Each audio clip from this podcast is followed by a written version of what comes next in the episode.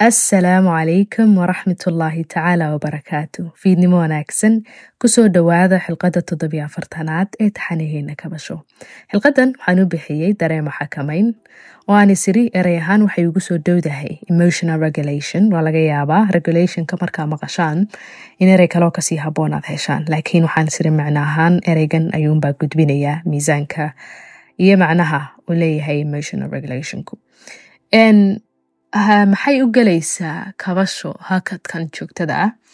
Sidii aan idiin sheegay reer kabashooy cunaha layga hayaa. Waxa la yidhaaho soomaalidu qaybiba waxbay u taqaanaaye qolana xoqaday u taqaanaa qolana qumanbay u taqaanaa qolana qanjay u taqaanaa. Ayaa igu werwareegaya marka kuwaasaan is leeyahay insha allah bal aad meel iska saartid. Iminka go'aanku wuxuu noqday inaan sergery ku sameeyo aan qalo oo aan ka takhaluso xanuunkooda. Marka insha allah waa laga yaaba dadka dhegeysanaya inay dhakhaatiiri ku jiraan in dad sameeye camaliyad daayari ay jiraan in dad ka caafimaada ay jiraan. Marka mar walba recommendationkiina soo jeedintiina talooyinkiina caafimaad iyo kuwiina xataa. Laa tasal dabiib bay dhahaan isal mujaribe ciddii tijaabisay ee la soo noolaatay ama ka takhallustay waxaa la yidhaaho qomanka ama xoqadaha ama qanjuhu. Bal tala ay soo siisa insha allah kana raali ahaada hakadkan joogtada ah ee uu gelayo waxaa la yidhaaho taxanahani codkii iyo awoodan ereygan idinku soo gaadhaya ayaa cunihii soo maraya. Marka haddii cunihii xanuusto lagu werwareego hakad laga bixi maayo. Marka insha allah biidni raxmaan. Ii cudur daara allah yarda calaykum aan ku soo noqdo xilqadan emotional regulationka ama dareemo xakamayntu waa maxay dareemo xakamayntu psychologically marka la joogo aqoonta iyo kasmanafeedka waxaa loogu qeexaa inay tahay dareemo xakamayntu lahaanshiyaha ama abuurashada yacnii haddaanad hore u lahayn inaad imika abuuratid awood aad ku jihayn karto afkaartaada dareemadaada si ay kugu suurto geliyaan inaad kala xulato falcelinahaaga iyo dhaqamada adiga kaa soo fulaya. Dareemo marka laga hadlo way noocyo badan yihiin. Marar badan dareemaha laga yaaba inayna hadhayaan murugaa kuwa iscilkaambiya kuwa farxad oo xadka baxa kuwo calalyow ah kuwo baqdina kuwo allahuma salli calaa sayidina moxamede wax inaynu weyno oo kale ah. Kuwo ay nagu keento haysashada waxyaabaha qaar. Kuwo aynaan garanaynin meel aynu u qaadno. Noloshu way waayo badan tahay. Bani aadamkuna waxyaabaha ilaahay subxaanahu watacaala uu ku dhex abuuray ee ruuxdiisa uu siiyey waxaa ka mid a a la yidhaaho dareemada. Marka mar walba waa muhiim si aad u noqotid insaan qaadan karaya go'aamo saxa oo caafimaad qaba oo noloshiisa hore u wadi karaya ula noolaan karaya dadka si wanaagsan oo habsami leh allahuma salli calaa moxamed u ilaalin karaya naftiisa iyo ruuxdiisa u daryeeli karaya sida ugu haboono marka iyo daqiiqada iyo sakanka iyo saacadda uu joogo uu garanayo. Waa inaad aqoon baahsan u leedahay dareemadaadu siday u shaqeeyaan siday kuu saameeyaan meelaha ay ka yimaadaan waxyaabaha carin karaya siday u saameeyaan mawaaqifta iyo meelaha aad joogto iyo dadkaad la dhaqmayso iyo qaabkaad u shaqaynayso iyo xidhiidhada aad samaynayso iyo go'aamada aad qaadanayso. Sababtaasay markaa muhiim u tahay waxaa la yidhaaho emotional regulationku ama dareemo xakamayntu. Xakamadu waxa weeyaan inaad wixii adiga maarayntii ay gacantaada ku jirto. Intay doonta ha leekaato ama ha badnaato ama ha yaraato. Mawaaqif sacabaa ku soo maraya oo adag oo murug badan oo adayg badan oo culays badan oo baahi badan cid baa kaa dhiman karaysa. Cid baa kaa tegi karaysa ku nici karaysa cid baa allahuma salli calaa moxamed qiimahaaga hoos u dhigi karaysa. Cid baa ku dhaawici karaysa. Cid baa waxaad haysata kaa qaadan karaysa. Cid baa ku dulmin karaysa. Cid baa waxaanad ka falaninin ay kaaga iman karayaan noloshaasi kuugu kakanaan karaysa. Fa ayankan xaaladda markaa aad ku jirto waxaa la yidhaaho regulationku ama dareema xakamayntu emotional regulationku ama dareema xakamayntu waxay kuu saacidaysaa xataa murugtaadu hadday darantahay inaad iska khafiifisid. Waxaa la yidhaaho xanuun badani hadduu ku hayo inaad waxaweyaan naftaadii aad la tacaali karaysid. Mawaadiicda qaar hadday dhuunta kuu dhaafi waayeen ay kuga adag yihiin inay ku fududaynayaan ama lakabada iyo culeysyada ay kaa kala qaadi karayaan regulationkaas waxaa la yidhaaho dabadeetna aad si fudud u dhaafi karaysid marka ay jiraan dareemo aad u baaxad weyn oo ballaadhan oo farxadeedna inaanad ku hafaninoo waxaweyaan aanad marar badan farxaddu dadka waxbay yeelaysaayo dadka kale wax yeelaysaayo dhaqankay wax yeelaysaayo diintay wax yeelaysaayo inaanad kuwa laftarkooda aanad ku hafanine aad jihayn karaysid. Fa mar walba ayankan dareenka markaa gudahaaga ku sugani wuxuu u wax la regulation ama xakamaynaya adigu inaad maarihiisa aad haysa iyo xadhiga qaabka uu waxaweyaan u soconayo ama kaaga soo baxayo. Caatifadu ama waxaa la yidhaaha dareenku inta badan waxaa lagu tilmaamaa inay tahay seef laba af leh oo qofka waxna yeelayn karaysa wax badanna u tari karaysa noloshiisa hagaajin karaysa dimina karaysa. Oo sida burkaanka oo kale ah. Burkaanku markuu aasan yahay dhulka hoostiisa uu ku aasan yahay cidina ma aragto laakiin markuu soo qarxee soo fataho waxyeelo badan buu geystaa fa mar walba waa muhiim inuu qofku lahaado ogaal nafeed ku filan oo koraya si joogta ah oo uu kula tacaamulayo naftiisa iyo dareemihiisa iyo axaasiisiisa gudeed ilaahay subxaanahu watacaala markuu ina abuuray inoomuu yeelinoo keliya waxaa la yidhaaho jidh uu ku ladhan yahay dareen caqlaaniya oo keliya oo caqliguunuu shaqaynaye wuxuu inagu barxay oo ina siiyey waxa la yidhaaho dareen. Wuxuu ina siiyey waxa la yidhaaho allahuma salli calaa maxamed caatifad mar walba markaa herdanka iyo loolanka gudeed ee naftaada gudaheeda ka jiraahi waxay sababayaan inaad bani aadan baa tahay waad kacakoofaysaa waad koraysaa maalinba marxalad baad maraysaa aqoontaadu heerbay maraysaa dadaadu heerbay maraysaa waayo aragnimadaadu heerbay maraysaa in kafadu marba dhinacay u cuslaato mar caqligaaga uu ka bato waxaa layidhahaa caatifadaada marna caatifadaadu ay caqligaaga ka badato mar fajuurkaagu uu wanaagaaga ka bato marna wanaagaagu fajuurkaaga ka bato mar khayrkaagu sharkaaga ka bato mar sharkaagu khayrkaaga ka bato faalhamaha fujuuraha wataqwaaha qad aflaxa man zakaaha fa taskiyadu mara badan waxay soo galaysaa emotionskaaga iyo dareemadaada maxay muhiim u tahay in uu qofku dareenkiisa mar walba uu regulation uu ku sameeyo oo uu xakamayn karayo isagoo xadhiga iyo falkantiisa uu isagu hayo? Waxay sabab waxay muhiim u tahay baan jeedaa in ay ka saacidayso inuu qaato go'aamo saxiixa oo saxsan oo noloshiisa wax badan ku soo kordhin karaya. Oo keliya aanu qofku qof reactive ahayn oo hadba waxaa horyaalo uun uuna ka falcelin isagoon ka fiirsan ereygiisa iyo ficilkiisa iyo dareenkiisa. Deetana hadhow toolownu iska ciilkaambiyin go'aankii uu qaatay xilligii uu kacsanaa ama xilligii uu waxaweyaan uuna is ogeyn meel meel uu marayo ama xilligii uu daciif ahaayo hooseyn badan uu dareemayey wax badan bay hagaajinaysaa marka inaad xakamo dareen aad lahaatid waxaa lagu qiyaasaa dadku boqolkiiba siddeetan inay nool yihiin qaab falcelin deg deg ah oo reactive baa la yidhaahaa yacni hadba waxaa markaa horyaalo uun inay ka falceliyaan hadba ereyga ku soo dhaca inay idhaahaan iyagoo aan ku darin wax la yidhaaho fikir iyo kaadsiinyo midna. Ereyada aynu isticmaalayno miisaankooda iyo saameyntooda nakan ay nagu leeyihiin cidda aynu isticmaalana ay nagu leeyihiin inaynu ka warhaynaa marar badan waxay naga saacidaysaa inay naga badbaadiso mawaaqif aynaan ka badbaadneyn haddii wixii nagu soo dhacaba aynu odhan lahayn. Sida markaa aynu jidhka iyo lafta uga korno si leeg ayay dareemadoonuna koriimo iyo kala xulasho joogta aynooga baahan yihiin. Koriimada caafimaadka qabta ee dareemadu waxay ka soo bilaabmaan yaraanta iyo xilliga aynu ilmaha nahay markaynu yarnahay maskaxiyan ma nihin qaangaadh yacni caadifadeenna ayaa ka badan waxaa la yidhaaho caqligeenna.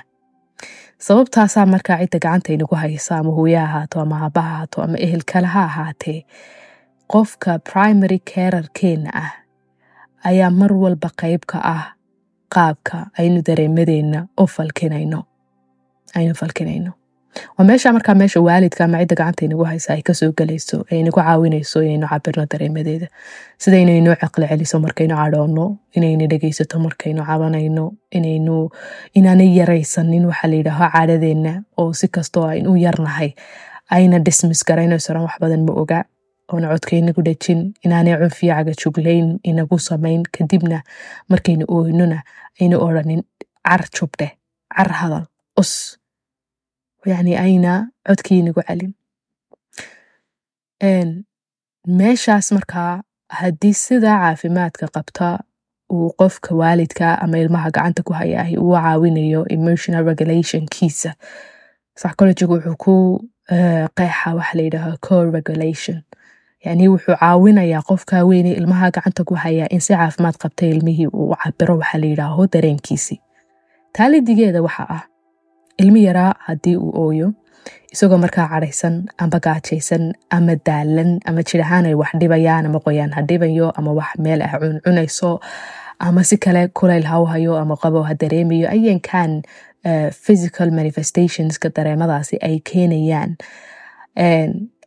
Laba mid baa imanaysa. In imaa waalidkii uu waalid allahuma salli calaa muxamede dabacsan yahay oo ilmihii waxaweyaan discomfortka iyo raaxa darada markaa dareemayo uu ka fogeynayo uu raxmad ugu warcelinayo qaabkuu taabanayo qaabku u haynayo iyo qaabkuu hagsiinayo ama habsiinayo qaabku ula hadlayo qaabku u dhegeysanaya xataa haduuna jirin eraya uu markaa ku fahmaya waxaa soo baxaya ilmo waxaa layidhaaho nervous systemkiisa uu kaam yahay uu degan yahay oo baahiyihiisa dareemeed si kastuu isaga u yaryahay haddana ay gudan yihiin.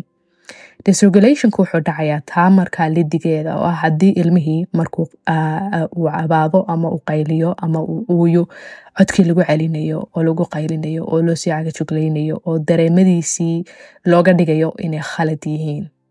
Okay cod ma jiro kama soo baxaya ilmihii. Marka hadduuna hadli karaynin si kale ku cabirayaa dareemadiisii oohinbuu ku cabirayaa inuu waxdiidu ku cabirayaa ilmu ku cabirayaa inuu cuntadii diidu ku cabirayaa.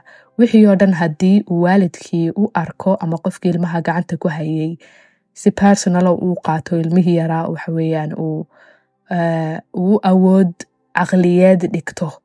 Oo hadduu doono garaaco hadduu doono ku qayliyo hadduu doono isagoo ooye ka tago waxaa samaysmaya ilmaha maskaxdiisa waxa layidhaaho disregulation ama waxaa khalkhalaya xakamadii dareemeed baa khalkhalaya.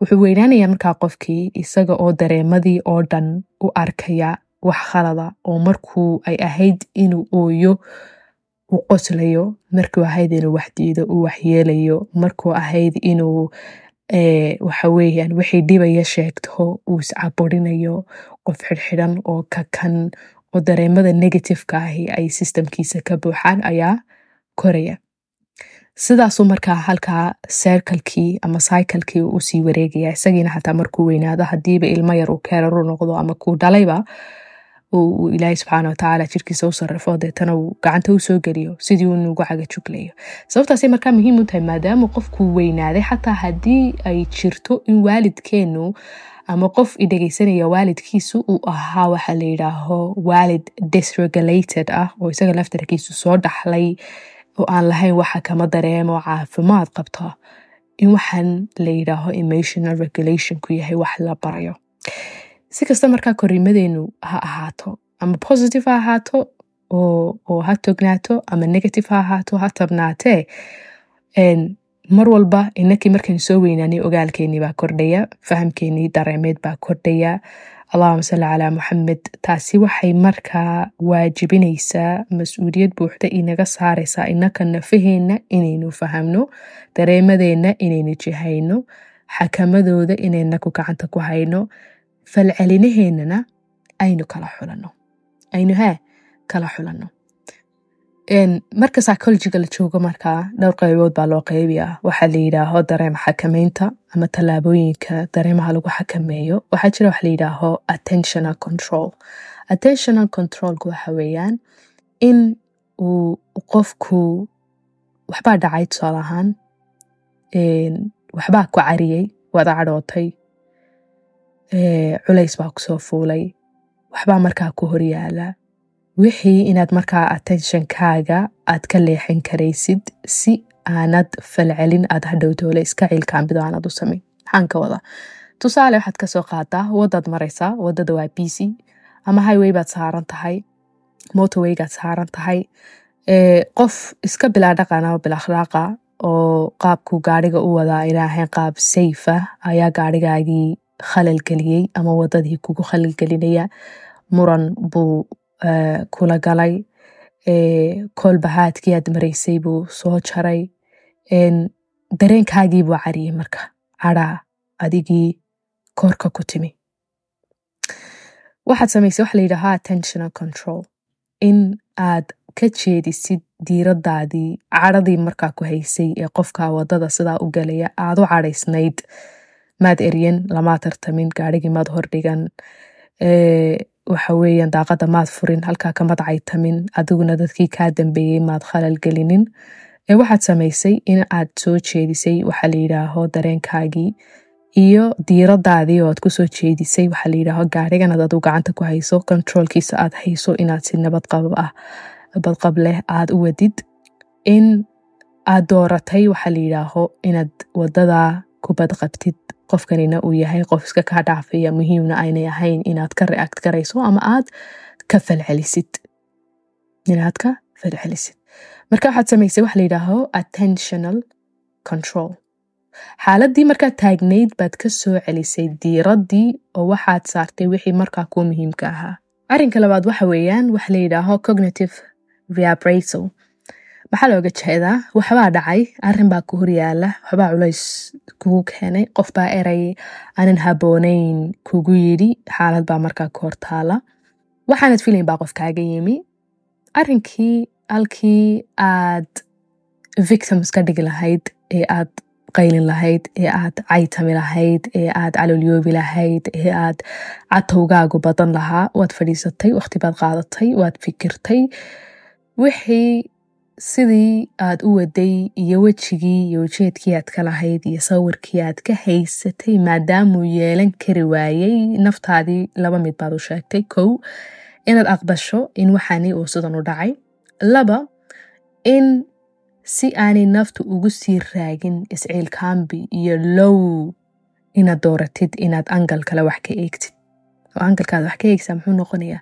Islamically in badan baa aynu qur'aanka ku aragnaa waxaa la yidhaaho cognitive reappraisalka oo casaa an takrahu shay-an wahuwa khayru lakum. Wax fara badan oo aynu isciilkaambi uga dhiman lahayn oo habeen iyo maalin u jeedi lahayn oo dhan ade saa noqon halkaa ka dhici lahayd saa u socon lahayd saasay noqon lahayd sawirkaas yeelan halkaasa tegi lahayd qofkaas saasaa noqon lahayd halkaasa wada tegi lahayd dadadadada scenarioskaasoo dhan buu soo xidhaya wuxuu leeyahay okay arrinkaas wuu dhacay saasuu dhacay qaabkaas wuu dhacay weji kale muu yeesheen acceptance bale waxaad ku dartaa wacasaa an takrahu shay-an wahuwa khayrun lakum. Waxaaba laga yaabaa sidanaad garaxsanaysay aad diidaysa adigu inayba khayr kuu leedahay oo waxaan markaa adiga kugu kakane kugu culus khayr badani uu kugu hoos jiro. Xadiis fara badan bay ku aragnaa cajaban liamri lmu'min ina amrahu kulluhu lahu khayr وليس ذلك لأحد إلا المؤمن إن أصابته سراء شكر فكان خيرا له وإن خيرا له وإن, كان وإن أصابته ضراء صبر فكان خيرا له qofka muminka arrimihiisoo dhani waa khayr maro badan xataa iyadoo lagu taskaraynayo oo lagu imtixaamayo ayaad arrinka intaad isha caqliga ku eegtid dareenkaagii process garaysid wixii fasax u baahan aad fasaxdid wixii aqbalaad u baahan aad aqbashid ayaad ku sabirtaa sabir jamiila oo qurux badan oo aan catow iyo calolyow iyo ciil iyo cayd dabadood imanine si caqligaysan aad u sabirtaa ayaad arrinkaa hore uga socotaa markaasaad heshaa waxaa la yidhaaho ajarkii uu lahaa sabarka quruxda badani marka mar walba arrimahaagu hadday wax kharibaanna khayr bay kuu leeyihiin oo adigaas waad aqbashay hadday hagaagaanna falilahi alxamdu walminna mar walba adigu markaa khayr baad ku sugan tahay taxsabuuhu sharan lakum bal huwa khayrun lakum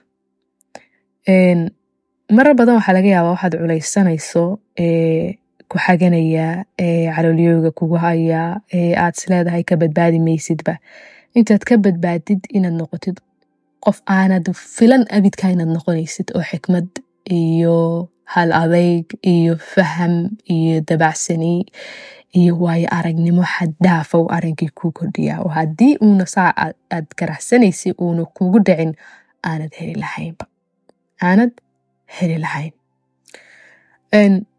Arrinka saddexaad emotional regulationku ama dareema xakameyntu psychologigu ay yidhaahaan waa another skill waxa weeyaan waxaa la yidhaaho response modulation. Response modulationku waa maxay? Marar badan waxaa laga yaabaa in aad u baahan tahay inaad dareemadaada qaybso.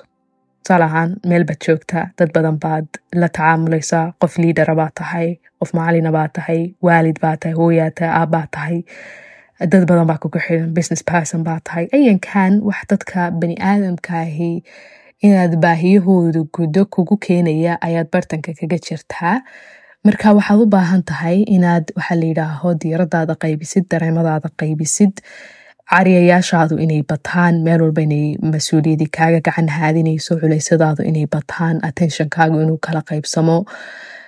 Mar walba markaa inaad lahaatid waxaa la yidhaaho emotional regulation ama xakamad dareen oo caafimaad qaba waa very muhiim.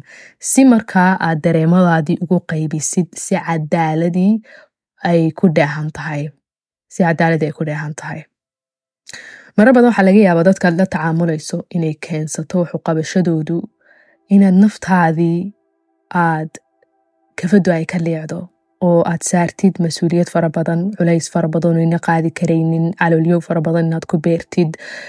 Marar badan dadka aad u adeegaysaad sileedahay wuxuu qabaad liidarka u tahay aad hor socoteed arrimahooda u gudaysa inayba diyaar u ahayn waxaan aad u qabanaysid marka aad naftaadii aad hantaaq fara badan ku ridid meeshaasay ka soo gelaysaa marka waxaa la yidhaha response modulationku. In mar walba aad lahaatid istaraatiijiyad ah arrimaha markaa aad gacanta ku haysid markaad aragtid inuu dareenkaagii baahayo markaad aragtid inay kafadu naftaadii xaggeedii ka liicayso oo culayskii naftaada u badan yahay inaad step back. Tallaabo aad dib u qaadid dabadeetana aad isweydiisid. Awoodeydu maxay tahay? Xadigeedu intuu leegyahay imise shay baan mar wada qaban karayaa ma jirtaa cid kaloo wax ila qaban karaysaa sidan qaabkana dareemadayda u kala qaybinaya attentionkaygii ujeedkaygu maxaan jeedaa diiradaydu miyay tahay qaab allahuma salli calaa muxamede cadaalad ku dhisan macid baa aan dulmi iga tirsan karaysa qaabkan aan attentionkayga iyo diiradayda u kala qaybinayo hadalkayga u kala qaybinayo taladayda u kala qaybinayo mar walba marka naftaydii miyaan wax ku yeelayaa culaysaanay qaadi karayn baan qaadi ayaan saarayaa dadkanaan wax u qabanaya mayihiin dad diyaar ah kafadani ma isku dheeli tiran tahay oo iyaga laftarkoodu qaybtoodii ma ka qaadanayaan? Ma ka qaadanayaan? Xata alambiyaa nebiyadana ha ahaatee. Fi lqur'aan ilkariim meelo badan baa ilaahi subxaana watacaala ku baraya waxaa la yidhaaho emotional regulationka oo uu mar walba ambiyadiisa marar badan xataa qaab citaab ah xoogaa canaani ay ku laadhan tahay aayaadka qaar ay ku yimaadeen ay ku yimaadeen. Iyadoo ujeedku yahay in lagu dhiiriyo in ay dareemada qaabkay u qaybinayaan iyo xakamahooda dareem emotionskooda inaanay waxaweyaan kafadooda ayna kala dheeraanin inaanay ku hafanin qaabka ay waxaweyaan dareemada u qaybinayaan ama ay diirada u qaybinayaan. Maxaynu arkaynaa xaadisadii ay ku soo degtay cabasa watawallaa an jaa'ahu alacmaa maa yudriika lacalahu yazakkaa markii ninkii saxaabiga ahaa ee indhahalaa uu nebiga u yimi nebiga ku mashquulsan oo la hadlaya madaxweyntii qoreysheed oo jecel inay islaamaan oo ka badbaadiya naarta in uu ninkanina doonayay attentionka nebiga caleyhi salaatu wassalaam uu dhowr jeer u yeedhay. Uu leeyahay yahag urshudnii isagoo arrimo diinta ku khuseeya wax ka weydiinaya nebiguna caleyhi salaatu wassalaam maadaamuu isagu mar walba la joogo nin indhalana uu ahaa asxaabigaasi maadaamuu isagu mar walba la joogo mar walba ay wada hadlaan oo isagu nin muslima uu yahay oo atleast nebigu caleyhi afdal salaatu wasalaam uu hubo islaamnimadiisa inta awoodiisa uu is leeyahay attentionkaaga kuwan baa iminka ugu baahi badane bal hadda kuwan intii aad waxu sheegi karayso ead soo jiidan karayso bal waxu sheeg oo diinta ka dhaadhici ayuu attentionkiisii wuxuu u badiyey dhinacii. Raggii madaxweynta ahaa ee qoreysheed oo markaa marka citaabkaasi soo degay? Ilaahay ku leeyahay cabasa watawallaa an jaa'ahu alacmaa wamaa yudriika lacalahu yazakkaa strategiska markaa nebiga la baraya waxa weeyaan naftaadan ha hantaaqin hidaayadan ilaahay baa haya subxaanahu watacaala dadka markaa ku ag jooga prioritigooda adigoo liaderkiya adigoo adigu attentionkaagiyo waxaa la yidhaaho diiradaada qaybinaya iyo focuskaaga haddana yayna kala badanin meelo fara badan oo kale waxaan ku aragnay qur'aanka iyadoo ilaahay subxana watacaala nebiga ku leeyahay falacalaka baaqicun nafsaka calaa aathaarihim in lam yu'minuu bihada alxadiisi asafa ma naftaadaad hantaaqiyo naftaad iska goyn hadday dadkani soo islaami waayaan yani hadday doing their part. iyo diyaar mooyihiin horta marka ugu horsa hidaayadan inay qaataan because waa doonitaankayga laftarkoodii uu ka imaataa waxaasoo dhan wuxuu ilaahay u sameynayay nebiga laftarkiisu ilaali dareenkaagaa lagu leeyahay si kastood liidar u tahay u jeceshay dadkana inay jannada galaan u jeceshay inaad risaalada gaadhsiisid haddana walinafsika calayka xaq naftaaduna xaq bay kugu leedahay ha dulmiyin ha dulmiyin marka mar walba waxaa muhiima inaynu ku baraarugsanaano waxaa layidhaaho triggerskeenu ama cariyayaasheenu inayna ahayn kuwa dhammaanaya. Intaynu noolahay maalinba aqoonteenu meelbay joogtaa awoodeenu meelbay joogtaa ogaalkeenu meelbuu joogaa dareemadeenu iyo fahamka aynu ka haysanaa meelbay joogaan. In ogaal badan aynu lahaano. Mar walba inaynu abuurno waxa layidhaaho mindfulness.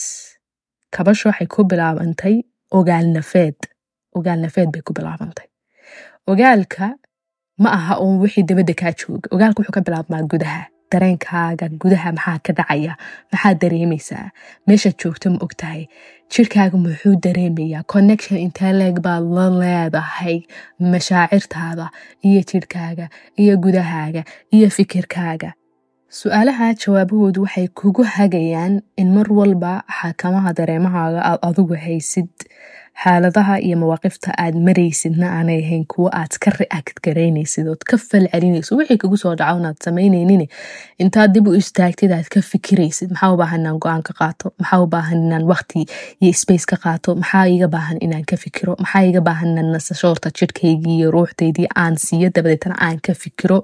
Halkay kafadaydu maaniga ii janjeedhaa ma dhinaca dadka kale u janjeedhaa ma qof waxaan ahay?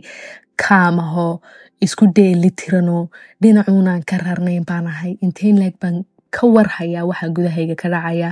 Inteyn leeg baan ka warhayaa waxa dabadayda ka dhacaya siday u saameynayaan waxa gudahayga ka dhacaya. Waxaasoo dhan inaad isweydiisid hadda cognitive behavioral therapyga cbt-ga waxaa la yidhaaho cilaaja suluuki almacrifiga waxaa la isticmaalaa qaacida la yidhaahaa stop s t o p p. Waxay ka dhigan tahay. Marka arrin uu dhaco inaanad kolkiiba falcelin kolkiiba jawaabin kolkiiba ficil qaadine bal horta xoogaa yar aad isdejisid stop. Tiidu waxay ka dhigan tahay take a deep breath. Khud nafasan camiiqan. Nebiga ku salli calayhi afdal salaatu watama tasliim. Markaa ka waxaad samaysaa observe wax la yidhaaho. Bal gudahaagii ku yar noqo maxaan dareemayaa? What am I thinking right now?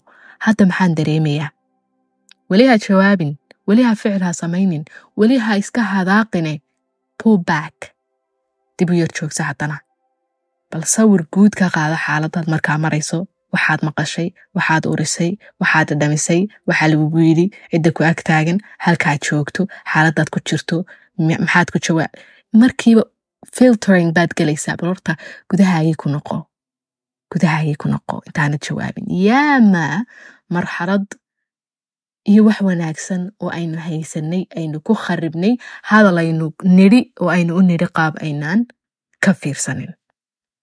Ficil aynu samaynay oo aynu samaynay qaab aynaan ka fiirsanad mooda inaynu kala laalaadnay oon ruuxdeenna ay jidhkeenna ka maqnayd. Cumrigeenna dambe o dhan aan isku celkaambinaa hobaaga waxaa ku xigta waxa la yidhaaho practice what's best for the situation.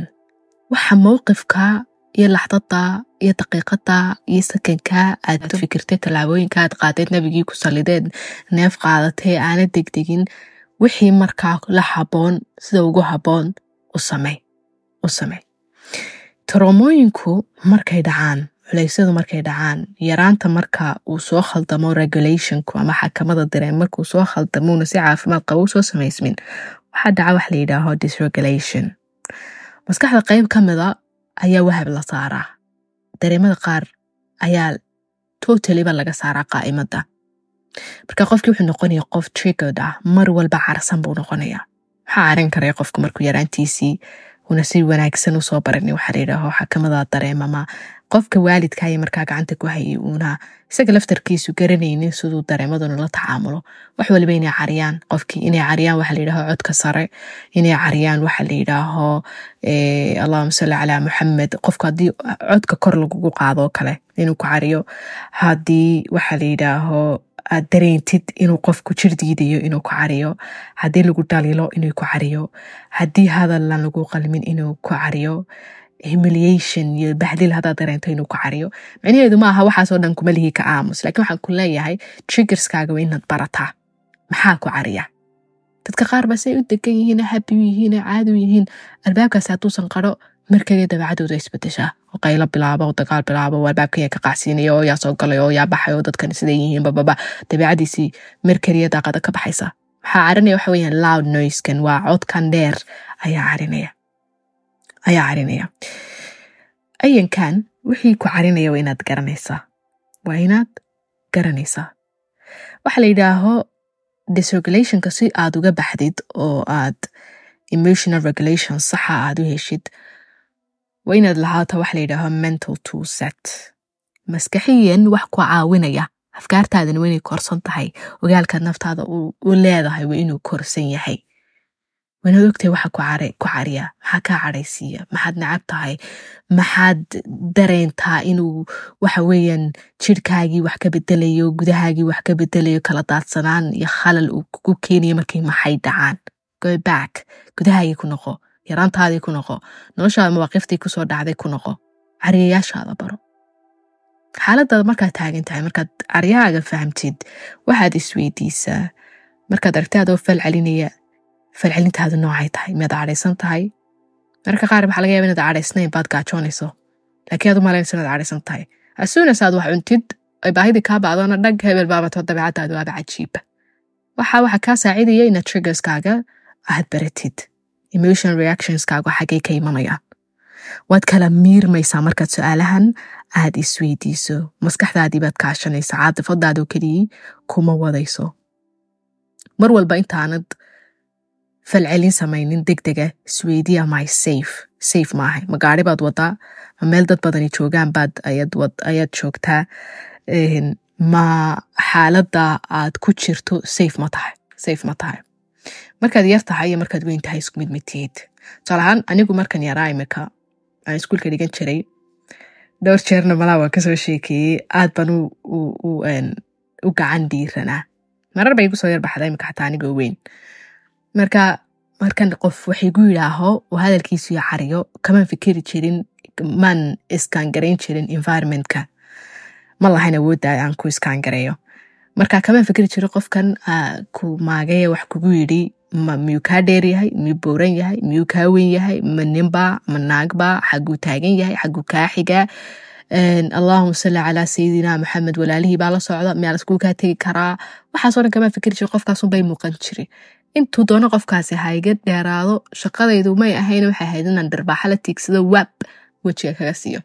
Marka aan iskalna hadhowna kala jeedo hadhow baan ka fikiri jiray okay maxaa dhacay? Iyadoo hadduu doono toban qof isugu kay tegay laakiin markaad weynaato waxaad weydiinaysaa okay am I safe basaan u falceliyaa qofkani qof maskaxiyan iyo caqliyan iyo diiniyan iyo akhlaaqiyan aan mudan baa inaan karakterkayga iyo qofnimadayda iyo akhlaaqiyaadkayga aan uga baxoon la hadloon ku hadal celiyo safe baa inaan gacan taago safe baa inaan eray dhaho bas waxaaba ii safesana meesha ka dhaqaaqo iskaga tagoba regardless tusaalahaan tusaalihii aan soo qaatay ahaa markaad waddada saaran tahay oo kale dad gaadhi wado maxaa seyfa markaa xilliga. Meelad qofkii la sii yooyootanto ku sii qayliso farta u taagto isku qaylisaan caydo waxaa doonto ku tiraahid mase waxaa kuu seyfsan inaad gaadhigaaga iska sii wadatid si dabacsan aad neefs u qaadatid iska ilowdid qofka randomka strangerka aanad aqoonin waddada iska marya iska qayliyey. Xaalad baad ku jirtaa dad doonto meeting baa lagu jiraa qof disrespect iyo akhlaaq xumo kuula yimi waa inaad iskaan garayn karaysaa environmentka aad joogto ma imikan ka jawaabaa waxaa imika waxa la yidhaaho xaaladaan ku suganahay ma imikan ka jawaabaa ma imikan la garnaqsada mase horta waxaan sugaa inta meetingkaasi dhammaanayo hadhow baan qofki inta gees ula baxo idhaha okay hadalkii saas saas saas aha maxaad ka waday mar walba waa inaad iskaan garayn karaysaa haddii aad aragtid inaad waxaa la yidhaaho caryahaagu intuu kaa bato aanad karaynin inaad meesha ku sii jirto excuse yourself. Wax yar intaad meeshii ka baxdid waxaad raaiga raali ahaada dabadda u bax make sure inaad safe tahay. Make sure hadalka kaa baxaya inuu safe yahay oo aanad naftaadii iyo qiimaheediina waxba u dhimayn cid waxba u dhimaynin. Dadka kalena aanad waxweeyaan hadhow toole hadalka soo jiidanaynin. Uma baahnid markaad meelaha qaar ka kacaysid ama ka baxaysid inaad sharaxaad dheer sii bixisid. Dadka qaar baan sharaxiba karin naftooda markay xanaaqaano ilmadu ay ka soo horeysaa oo reactionkooda ilmadu ay ugu soo horeysaa. Marka sharaxaad dheer ha gelin wakhtiyar naftaada sii oo qaado. Haweyar soo qaado biyo qabo wejigaaga soo mari haddaad fadhiday kac haddaad taagan tahay fadhiiso meeshaad taagan tahay ka dhaqaaq. Xataa filal marka sidaan oo regulate garaynayno caadadeedna insha allah xilqad dheeraad baan kaga soo hadli doonaa waxaana loo sheegaa nabigu wuxuu yihi aleyh salaatu wassalaam yacni ninka xooga badani ma aha ninka ninkuu qabtaba lagdi kara laakiin waa qofka naftiisa qaban kara marka uu cadhaysan yahay waa qof kale emotional regulation waa xakama dareemeed waa qof kale weeyaan waxaana loo sheegaa inaan positionkeena bedelano inaan shaydaanka iska naarno inaan nebiga ku sallino inaan caleyhi salaatu wasalaam meeshaan joognay aan ka tagno inaan weysaysano xataa waxaa la ogaaday diraasaadkii ugu dambeeyey ee la sameeyey waxyaabaha qofka bini aadamkaa caawiya emotional regulationkiisa dareemahiisa inuu xakameeyo ka caawiyo waxaa ka mid a inuu dib ula connect garayo jirhkiisii inuu dib ula connect garayo tusaale haddaad adigoo aamusan aad cadhootid ama qoraal baa kaa cadhaysiyey ama kool kugu soo galay baa kaa cadhaysiyey ama cod qofkoo rabay baa kaa cadhaysiyey inaad meeshii aad ku cadhootay aad ka kacdid inaad hadashid ood codkaa kor isugu qaadid inaad shaydaanka iska naartid inaad nebiga ku salidid calayhi afdal salaatu watasliim in aad dib ula connect garaysid jirkaagii. Mararka qaar cadhada waxay keenaysaa inay caloosha ku duubanto halkaa xundhurta dusheeda lagaa qabto in garbuhu ay ku cuslaadaan in aad madaxa ka dhididid in aad jirhkao dhan kabubya kaa gasho in wadnuhu ku garaacmo inaad neeftaadii waxa weeyaan aad si deg dega u qaadatid oo in oxygention jirkaagii wada gaadhin adoola aad aragtid. So reconnect with your body. Take like maxaa la dhahayaa deep breath neef degan weynaad qaadataa toban jeer baa lagu taliyaa inta badan neeftaa markaad qaadasid waanaad dikridaa dikrigoo kale aad buu caawiyaa dadka because attentionkaagii ku jeesanaa inaad aargoosatid inaad caytintid inaad gacanta qaadid inaad qofkan ku boodid ayuu dib u soo celinayaa wamaca haada alaa bidikri illaahi tatma'inu alquluub dib baad ugu noqonaysaa jirkaagii iyo ruuxdaadii nervous systemkaagii baad dejinaysaa activation caafimaad qaba ayaad siinaysaa mar walba positionka aad taagan tahay waa inaad wax ka bedeshaa oo dib waxaa la yidhaaho aad dib ula xidhiidhaa jirkaagii. Haddaad fadhido waa istaagtaa haddaad taagan tahay waa fadhiisataa haddii aad allahuma salli calaa maxamed dacadidid waa soo kacdaa xaaladdaad markaa ku sugantay inaad wax ka bedeshaa jirkaaga wuxuu kaydiyaa xasuusaha la xidhiidha dareenkaaga. Haddii aad sidaad maanta u fadhida markaad xanaaqdo toban sano ka hor aad u fadhiday jirkaagii wuxuu amagdaladaadii waxay xaalad abuuraysaa. A berigii sidaad u react garaysay si laag inaad maantana u react garayso ama aad u falcelisid. Aad u falcelisid. Biyaha qabow oo kale waxaa la yidhaaho allahuma salli calaa maxamed baaritaanada ugu badan imika la sameeyey waxaa la ogaaday inay jidhka iyo nervous systemka qofka bini aadamka ay bedelaan ay dejiyaan banjeeda. Marka hataa haddaad joogto xafiis iyo meel aanad kuma idhan karin xilligaa isku day inaad biyo qabow farahaaga aad ku shubtid dad weysaysan karaysa inaad weysaysatid qabowgaa jirkaaga taabanaya wuxuu relax siinaya muscleskaagii allahuma salli xamed maskaxdaadii buu dejinayaa. Cadhada gudahaas aad isku jirto gudaha aad isku jirto wax ka baxsan inay jiraanba biyahaasi ku dareensiinayaan allahuma salli calaa sayidina maxamed waxaa kaloo lagu taliyaa dadka qaar waxaa jira caaguhu gubtaan oo dhidida markay xanaaqaan oo dhaqaaqi waaya oo kabab yaloo keeno. Waxaa lagula taliyaa dadkaasoo kale connectionka ay la samaynayaan ciidda waxaa la yidhaahaa inay aad u caawin karayso. Haddaad joogto meel ciidi ka dhowdahay inaad kabaa iska bixisid cagahaagii ay ciidda taabtaan.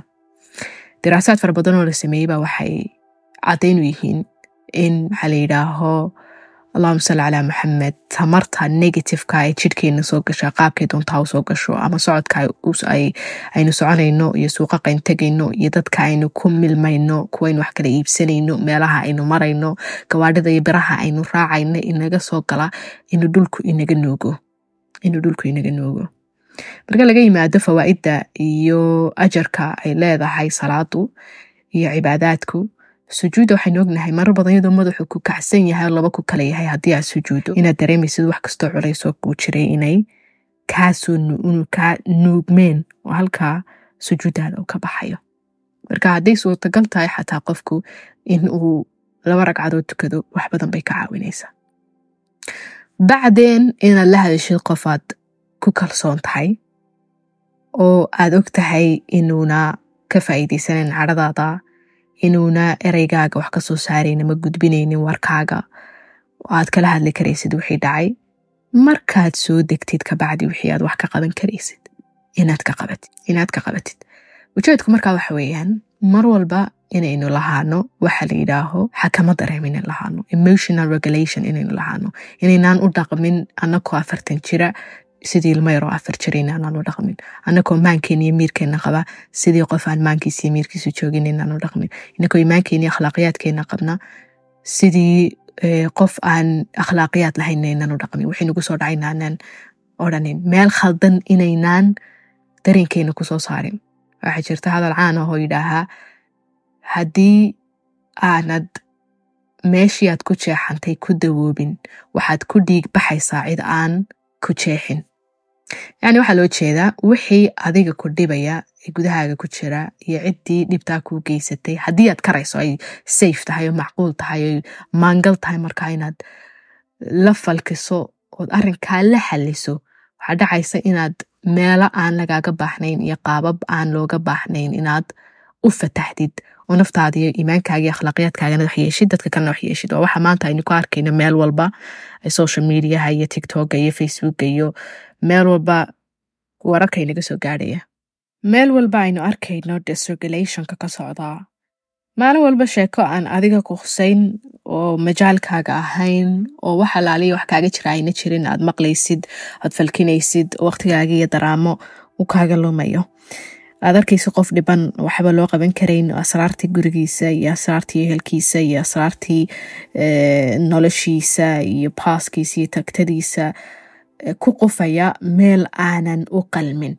Marka mar walba waa muhiim qofkii inuu yeesho waxa layidhaaha emotional regulation oo bil akhas inuu helo dadkii saxda ahaa uu kala hadli lahaa ee mukhtasiinta ahaa professionalka ahaa aynan sirahooda faafinaynin haddii aad ka kabanaysid wuxuun wuxuu doona ha ahaado.